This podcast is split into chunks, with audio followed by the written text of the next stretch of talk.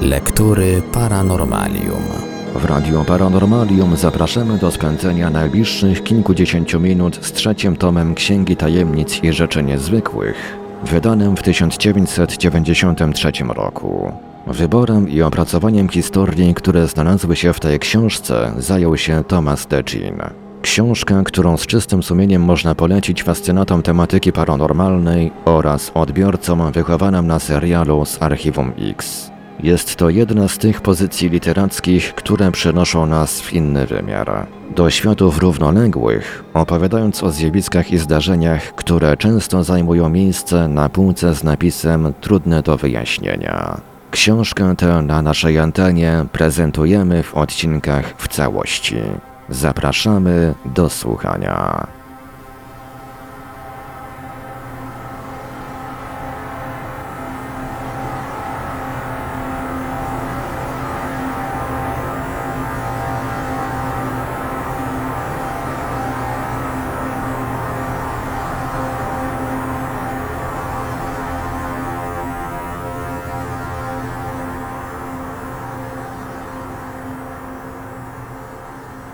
Medalion od zmarłych. Roger Rajon siedział w swoim biurze w muzeum w Norfolk, pijąc kawę i rozmawiając z przyjaciółmi. Tego listopadowego wieczora dyskutowali oni o swoich ostatnich doświadczeniach jako biologów na wyprawach kolekcjonerskich poza miasto. Podczas rozmowy jedna z największych tarantul nerwowo pełzała w górę i w dół po drutach klatki, co było niezwykłe, ponieważ tarantule w niewoli rzadko się ruszają. Niedaleko Tinż, duża południowa amerykańska jaszczurka nerwowo wysuwała i chowała swój różowy, rozwidlony język. Za oknem wył wiatr. Postrzępione liście jaśminu uderzały o ceglany mur. Wtedy usłyszeli dzwonek, niecierpliwy dzwonek u drzwi. Czasami ludzie przychodzili do muzeum wieczorem, aby popracować naukowo i kustosz zwykle ich wpuszczał jako stałych bywalców muzeum. Nauczył się już rozpoznawać ich dzwonek, zresztą prawie nigdy nie mylił się, kojarząc określony sposób dzwonienia z typem osoby. Długi, głośny dzwonek oznacza osobę nerwową, krótki osobę odznaczającą się dobrymi manierami, Cała seria długich, głośnych dzwonków jest charakterystyczna dla osobników nachalnych i niecierpliwych. Ale tego dzwonka nie słyszał nigdy przedtem. Był tak krótki i słaby. Spojrzał na swojego przyjaciela Rolanda Younga z rozbawionym zdziwieniem. Było już dobrze po jedenastej. Otworzył drzwi. Stała w nich jego matka. Na ziemi leżała dziesięciocentymetrowa warstwa śniegu, a kobieta stała taka mała i krucha, z płatkami śniegu wirującymi dookoła niej. Właściwie nie ma nic niezwykłego w tym, że matka dzwoni do drzwi syna o 11 w nocy. Tak się jednak składało, że jego matka była na innym kontynencie, w paryskim szpitalu, umierając na raka kości. On sam zaś był w muzeum w Norfolk w Virginii, gdzie pełnił funkcję kustosza. Patrzył osłupiały. Nigdy nie będzie wiedział, co spowodowało, że powiedział wtedy do niej to, co powiedział. Może to był ten dziwny wyraz jej twarzy, bardzo dziwny uśmiech, właściwy osobie zadowolonej. Jej oczy były bez wyrazu, z nieopisanym wewnętrznym światłem, wydawały się prawie fosforyzujące. Widział, że jej umysł został przeniesiony w inny, odleglejszy świat. Milczała. Kiedy umarłaś? zapytał bezmyślnie. Chrząknęłam wstydliwie i odpowiedziała: Skąd wiesz, że nie żyję?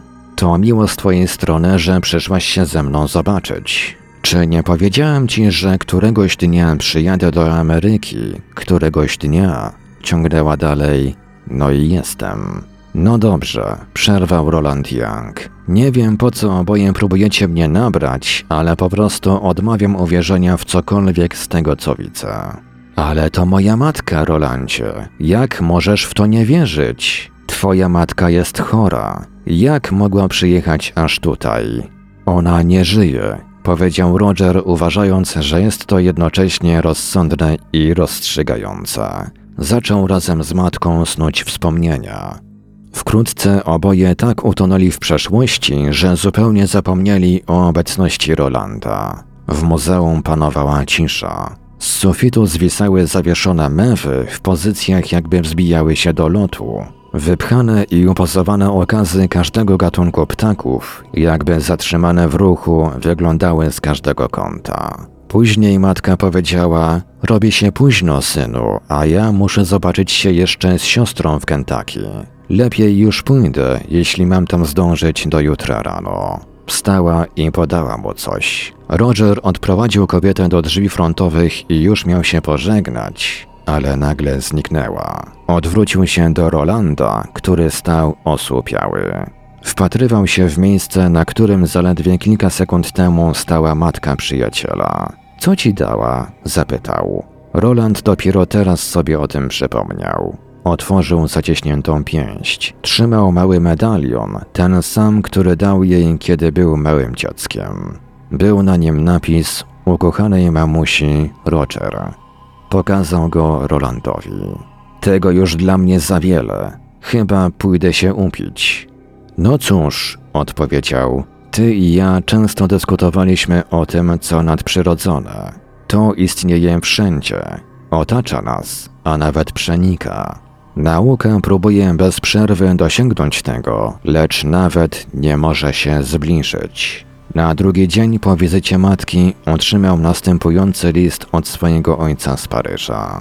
Mój drogi synu, ponieważ wiadomość, którą zaraz ci przekażę, sprawi ci wiele bólu, musisz być bardzo dzielny. Z żalem informuję cię, że twoja kochająca matka odeszła od nas wczoraj 5 listopada. Z ogromnym bólem patrzyłem, jak zamyka oczy po raz ostatni. Uwierz mi, tak było dla niej najlepiej. Cierpiała strasznie zanim odeszła. Choć jej śmierć spowodowała ogromną pustkę w mojej duszy, właściwie byłem szczęśliwy patrząc jak opuszcza nas w ten sposób, ponieważ jej choroba była nieuleczalna. Wiem teraz przynajmniej, że śmierć przyniosła jej ulgę w cierpieniu. Niech jej dusza spoczywa w spokoju na wieki wieków. Amen. Mam szczerą nadzieję, że przyjmiesz jej odejście z godnością i ja także dołożę wszelkich starań, aby przyjąć to podobnie. Twój kochający ojciec. Wkrótce potem znów zobaczył ducha matki. Obozował w dziewiczych dżunglach Amazonii i którejś sierpniowej nocy 1962 roku zobaczył ją wśród świecącej mgły, czy też oparów. Prawie nie mógł dostrzec zarysu jej twarzy. Ostrzegła go przed czymś, czego nie mógł do końca zrozumieć, bo stała w pewnej odległości, a jej głos był szeptem.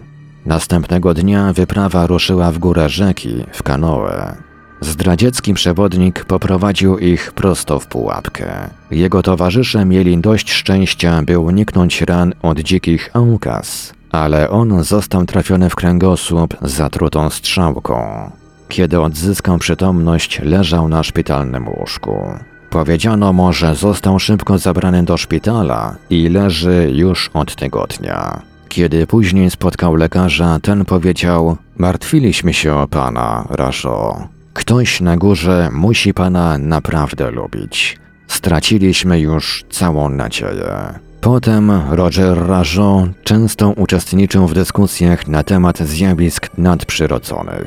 Dawniej jego wypowiedzi miały charakter teoretyczny, ale jego doświadczenie z ukazaniem się matki zmieniło wszystko.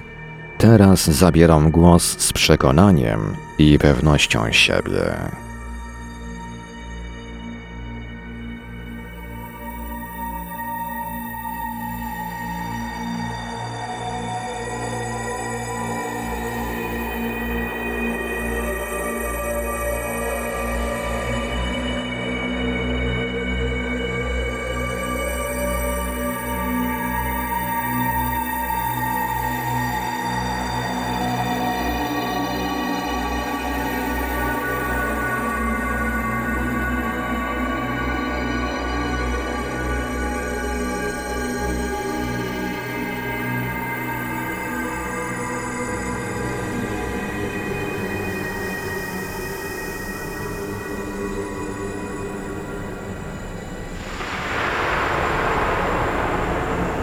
Lektury Paranormalium. Poltergeist niszczy biuro. Ostatnim miejscem, w którym można by spodziewać się poltergeista jest ruchliwy biurowiec w dużym przemysłowym mieście takim jak Oakland w Kalifornii. 15 czerwca 1964 roku około godziny 2.15 po południu bohater tego opowiadania wkroczył do biura protokolanta sądowego George'a Wheelera znajdującego się pod numerem 1904 przy Franklin Street w Oakland i zobaczył poltergeista w akcji. W czasie kolejnych trzech dni był świadkiem prawie kilkunastu niewytłumaczalnych zjawisk. Zwykle ciche biuro George'a Wheelera pełne było policjantów, dziennikarzy, fotografów, operatorów kamer telewizyjnych i ekspertów od poltergeista, rzeczywistych i fałszywych. Na jakiś czas praca Wheelera, stenografowanie i przepisywanie zeznań z sądów Alameda została przerwana. Dla reportera Jima Hazelwooda historia ta rozpoczęła się nieco po drugiej po południu 15 czerwca. Roy Grimm, miejski wydawca The Oakland Tribune, dał mu adres biura na Franklin Street. Mieliśmy telefon z policji, że wszystko tam skacze. To poltergeist. Brzmiało wyjaśnienie, któremu towarzyszyło porozumiewawcze mrugnięcie. Nie wydawało się, aby można było zrobić z tego artykuł. Hazelwood wskoczył jednak do taksówki i pojechał kilka przecznic dalej do Medical Building w handlowej dzielnicy centrum Oakland. Wjechał windą na siódme piętro i przyłączył się do kilku osób krążących na zewnątrz biura Wheelera. Prawie natychmiast usłyszeli głośny trzask z pustego pokoju przylegającego do biura Wheelera, obejmującego trzy pokoje. Drzwi były otwarte, więc zajrzał do środka i ujrzał przewróconą metalową szafkę. Czując się nieco nieswojo, wszedł do biura Wheelera i przedstawił się. Dowiedział się, że zwykle w biurze przebywali Wheeler, jego żona Zolo, która także była protokolantem sądowym, dwaj inni protokolanci, Robert Kaja i Calvert Bowles oraz dwoje kopistów, Helen Rosenberg i John Orphanides. George Wheeler nie był obecny w biurze, kiedy przybył Hazelwood, lecz przebywał tam przedstawiciel policji w Oakland Charles Nye, zawiadomiony o niezwykłych wypadkach przez telefon. Biuro Wheelera składa się z trzech pomieszczeń w enfiladzie, połączonych otwartymi zwykle drzwiami.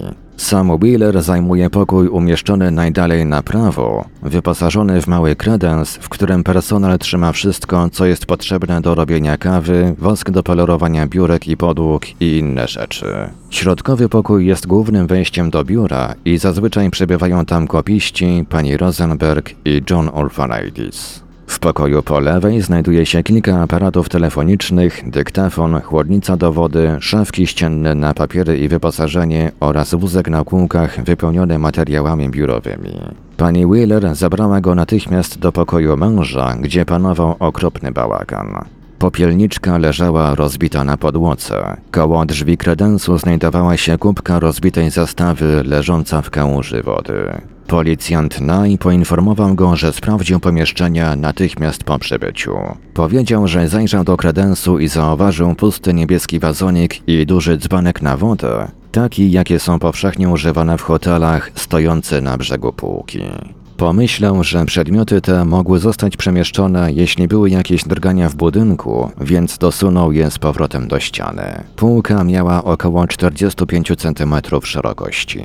Kilka minut później, kiedy policjant Nye był w innym pokoju, a pokój Willera był z pewnością pusty, dzbanek i wazonik wyleciały w powietrze, wykonały zwrot w prawo i roztrzaskały się na podłodze obok biurka Willera. Kiedy Nye opowiadał to Hazelwoodowi, coś zaczęło walić w pokoju po lewej stronie. Jeden z aparatów telefonicznych spadł na podłogę. Hazelwood pospiesznie zatelefonował do biura i poprosił o przysłanie fotografa. Jim Idelen, weteran wśród zatrudnionych w Tribune, przybył kilka minut później. Poprosił Johna Orphanidisa, aby ten pozował z roztrzaskanymi przedmiotami obok kredensu. Idelen sfotografował go i obaj odwrócili się, by opuścić pokój. Kiedy wyszli za drzwi, usłyszeli za sobą trzask. Odwrócili się i zobaczyli, że szczątki na podłodze zostały teraz pokryte białym proszkiem. Duży słoik śmietanki do kawy Coffee Mate wyleciał z kredensu i spadł na podłogę. Pani Rosenberg, która większość swoich prac wykonuje w biurze, była świadkiem większej liczby takich demonstracji niż ktokolwiek inny. Opowiedziała Hazelwoodowi, że pierwsze niezwykłe wydarzenie miało miejsce jakieś dwa tygodnie wcześniej. Wtedy zaczęły niespodziewanie działać telefony, rzędy lampek na każdym aparacie zaczęły się szybko po kolei zapalać, choć linia nie była wtedy zajęta. Kiedy Hazelwood był w biurze Wheelera 15 czerwca, wszystkie osiem aparatów telefonicznych ześlizgiwało się z biurek i spadało na podłogę z monotonną regularnością. Zmęczyli się podnoszeniem ich. Metalowa pokrywa maszyny do pisania przeleciała przez pokój i uderzyła w ścianę, zostawiając wgłębienie. Metalowa waga pocztowa pożeglowała w powietrzu przez pokój. Porcelanowa filiżanka stojąca na biurku pani Wheeler wyskoczyła na 4 metry w powietrze, pozostawiając brązową plamę. Nagle około czwartej po południu wszystko się uspokoiło. W ciągu nocy Wheeler przesunął biurko i część jego wyposażenia do pustego biura na dole, starając się uciec od rozszalałego poltergeista. Biurko zostało zabrane z lewego pokoju, a stojące na nim telefony postawiono na podłodze. Kiedy Hazelwood przybył następnego poranka, Bob Kay znajdował się w opuszczonym pokoju, rozmawiając przez telefon i wyglądając przez okno. Hazelwood usłyszał głuche pacnięcie i natychmiast wszedł do pokoju. Plecy Keja były zwrócone do drzwi i nadal rozmawiał przez telefon. Na podłodze znajdował się pedał dyktafonu, który spadł z szafki i uderzył w wózek z dokumentami, na którym został ślad po uderzeniu. Hazelwood zaczął prowadzić dziennik występujących zjawisk. Za każdym razem, kiedy coś się wydarzyło, robił notatkę opisującą rodzaj zajścia i czas jego wystąpienia. Robił to tylko przez godzinę między 10.30 i 11.30 rano 16 czerwca, lecz zanotował przynajmniej 12 anomalii. Dziennik ujawnił interesującą rzecz, a mianowicie, że zapisy były robione co 5 minut. To znaczy, co 5 minut następowało jakieś dziwne wydarzenie. Jedną z rzeczy, które Hazelwood zauważył wchodząc do pokoju Wheelera następnego dnia, było stojące na podłodze metalowe pudło pełne papierów. Z całą pewnością spadło tam po otwarciu biura. Podniósł je, zbadał i umieścił na metalowej szafce na akta. Później, kiedy stał w drzwiach pokoju zwrócone plecami do jego wnętrza, pudło przeleciało w powietrzu około 2,5 metra i uderzyło w podłogę z przeraźliwym hukiem. Obrócił się błyskawicznie. W pokoju nie było nikogo. Drzwi, które zostały wyjęte z przejścia prowadzącego do sąsiedniego pustego pokoju, stały oparte o ścianę pod kątem około 30 stopni. Odchyliły się i runęły z hukiem, który spowodował, że wszyscy podskoczyli. Wkrótce stało się jasne, że poltergeist podążał także za nieszczęsnym personelem do biura znajdującego się poniżej na drugim piętrze. Wyleciała stamtąd pokrywa maszyny do pisania i pożeglowała przez okno, uderzając w dach samochodu zaparkowanego na ulicy. Dziwaczne wydarzenia zdążyły już zyskać powszechny rozgłos i różni ludzie wpadali ciągle, by się pogapić na zjawiska lub wziąć udział w dochodzeniu.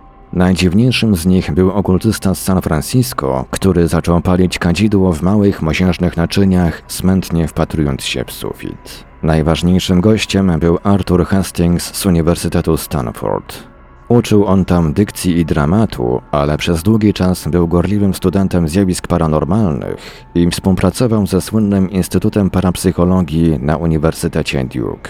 Po dokładnym zbadaniu dowodów i rozmowach ze świadkami, włącznie z Hazelwoodem, Hastings zaryzykował opinię, że był to autentyczny przypadek poltergeista. Poltergeist nadal uaktywniał się sporadycznie podczas kolejnego popołudnia, jakie spędził tam Hazelwood. Maszyna do pisania została zrzucona na podłogę ze stołu w pustym pokoju na drugim piętrze. Duża elektryczna maszynka do kawy spadła na podłogę, filiżanki eksplodowały, telefony roztrzaskiwały się, a szafka na akta wywróciła się. Zazwyczaj przedmioty latały, kiedy pokój był pusty lub kiedy jego lokatorzy spoglądali w inną stronę. Ale Bob Gussie, kopista, stał w drzwiach, kiedy szafka przekręciła się i padła na jego oczach. W środę rano, 17 czerwca, poltergeist osiągnął punkt kulminacyjny. Wcześniej rano Cal Bowles i John Orphanidis otworzyli biuro. Bardzo szybko po sobie chłodnica do wody wywróciła się, zalewając lewy pokój i pokrywając podłogę rozbitym szkłem. Wysoka na 2,5 metra szafka z materiałami biurowymi zwaliła się z trzaskiem na środek pokoju, rozrzucając papiery na wszystkie strony, a wózek na dokumenty wywrócił się do góry kółkami. Hazelwood przybył już po wszystkim i dowiedział się, że policja zabrała Orphanijdisa na komisariat, by go przesłuchać. Tymczasem aktywność poltergeista została przerwana. Później Orphanides został zwolniony i poszedł do domu. Biuro Wheelera, będące teraz jedną wielką ruiną, pogrążyło się w ciszy. Trwało to kilka dni i Hazelwood zaczął wierzyć, że poltergeist zrezygnował. Hastings powiedział mu, że jest to dość częsty przypadek. Zjawisko osiąga swój punkt szczytowy i pozornie się wypala. Jednak 12 dni później, 29 czerwca, nastąpił szybki rozwój wypadków. Hazelwood spędził popołudnie na wykonaniu pewnego zadania w San Francisco. Kiedy wrócił do biura, powiedziano mu, że Orphanidis został ponownie zabrany na policję i przyznał się do rzucania przedmiotami. Powiedział, że trzymał je za plecami i ciskał nimi, kiedy nikt nie widział. On również uszkodził sieć telefoniczną i elektryczne maszyny do pisania. Trudno było w ten sam sposób wyjaśnić pozostałe zjawiska, lecz policja była zadowolona. Poproszono Johna, aby zechciał porozmawiać z prasą. John zapytał, czy mógłby najpierw porozmawiać z Hazelwoodem. Ale policjanci powiedzieli, że ich zdaniem byłoby lepiej, gdyby od razu spotkał się ze wszystkimi dziennikarzami i reporterami stacji telewizyjnych. Zaplanowali z rozmachem konferencję prasową, a ponieważ Hazelwood znajdował się po drugiej stronie Zatoki San Francisco, inny dziennikarz reprezentował jego gazetę. Na konferencji policja streściła pokrótce wyznania Johna, który je ponuro potwierdził. W gazetach i telewizji San Francisco ukazała się relacja z zeznań Orphanidisa i sprawa została zamknięta. W ciągu kilku godzin rozeszła się po całym kraju wiadomość, że poltergeist z Oakland był dziełem zwykłego kawalarza. Wyznania Johna zaszokowały Hazelwooda. W rzeczywistości nie wierzył w ani jedno jego słowo i to nie dlatego, że wyjątkowo zaprzyjaźnił się z Johnem, czy nie chciał uwierzyć, że był on kawalarzem. Jedynym powodem było to, że John był u jego boku lub w bezpośrednim zasięgu jego wzroku, kiedy poltergeist szalał dwa pokoje dalej lub na innym piętrze. Niezliczoną liczbę razy Hammond był pierwszą osobą w pokoju, kiedy przedmioty latały. Po sekundzie czy dwóch słyszał hałas i odkrywał, że pokoje są puste. Nie mógł uwierzyć, że John mógł go oszukać tak perfekcyjnie. Hazelwood wyruszył natychmiast do mieszkania Johna, biorąc ze sobą fotografa jako świadka. Pierwszym jego pytaniem było, dlaczego John przyznał się. Odpowiedź była prosta: kończyło to sprawę, przynajmniej dla policji. Jednak Hazelwood musiał się upewnić. Poprosił więc o potwierdzenie, że to nie John ciskał tymi wszystkimi rzeczami. Oczywiście, że to nie ja.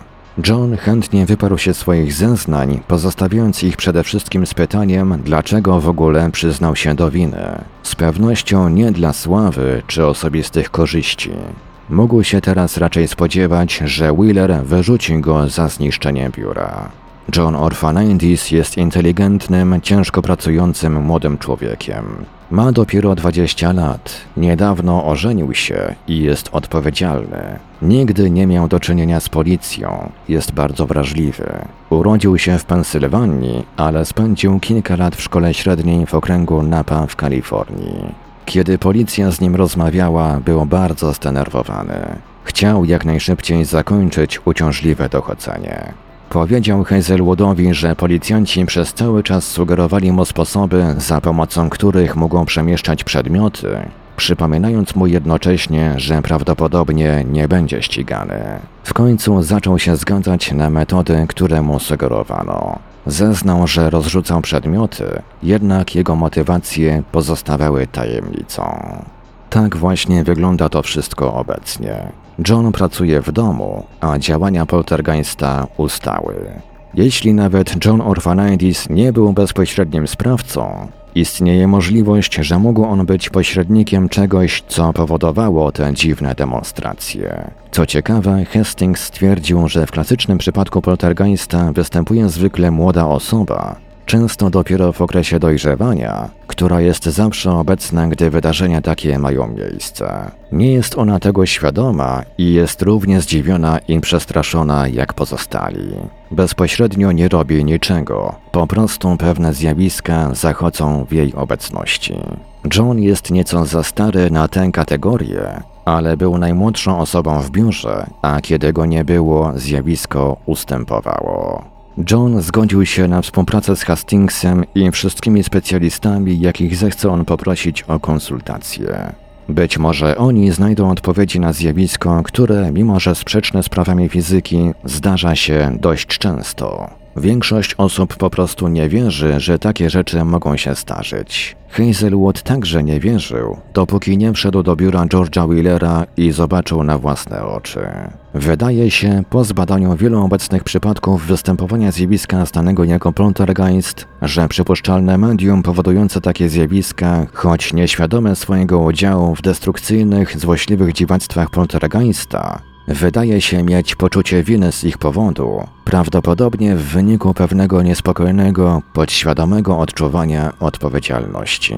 A zatem łatwo można wywrzeć nacisk na taką osobę, by wyznała swój otwarty udział, za który nie może być przecież obwiniana.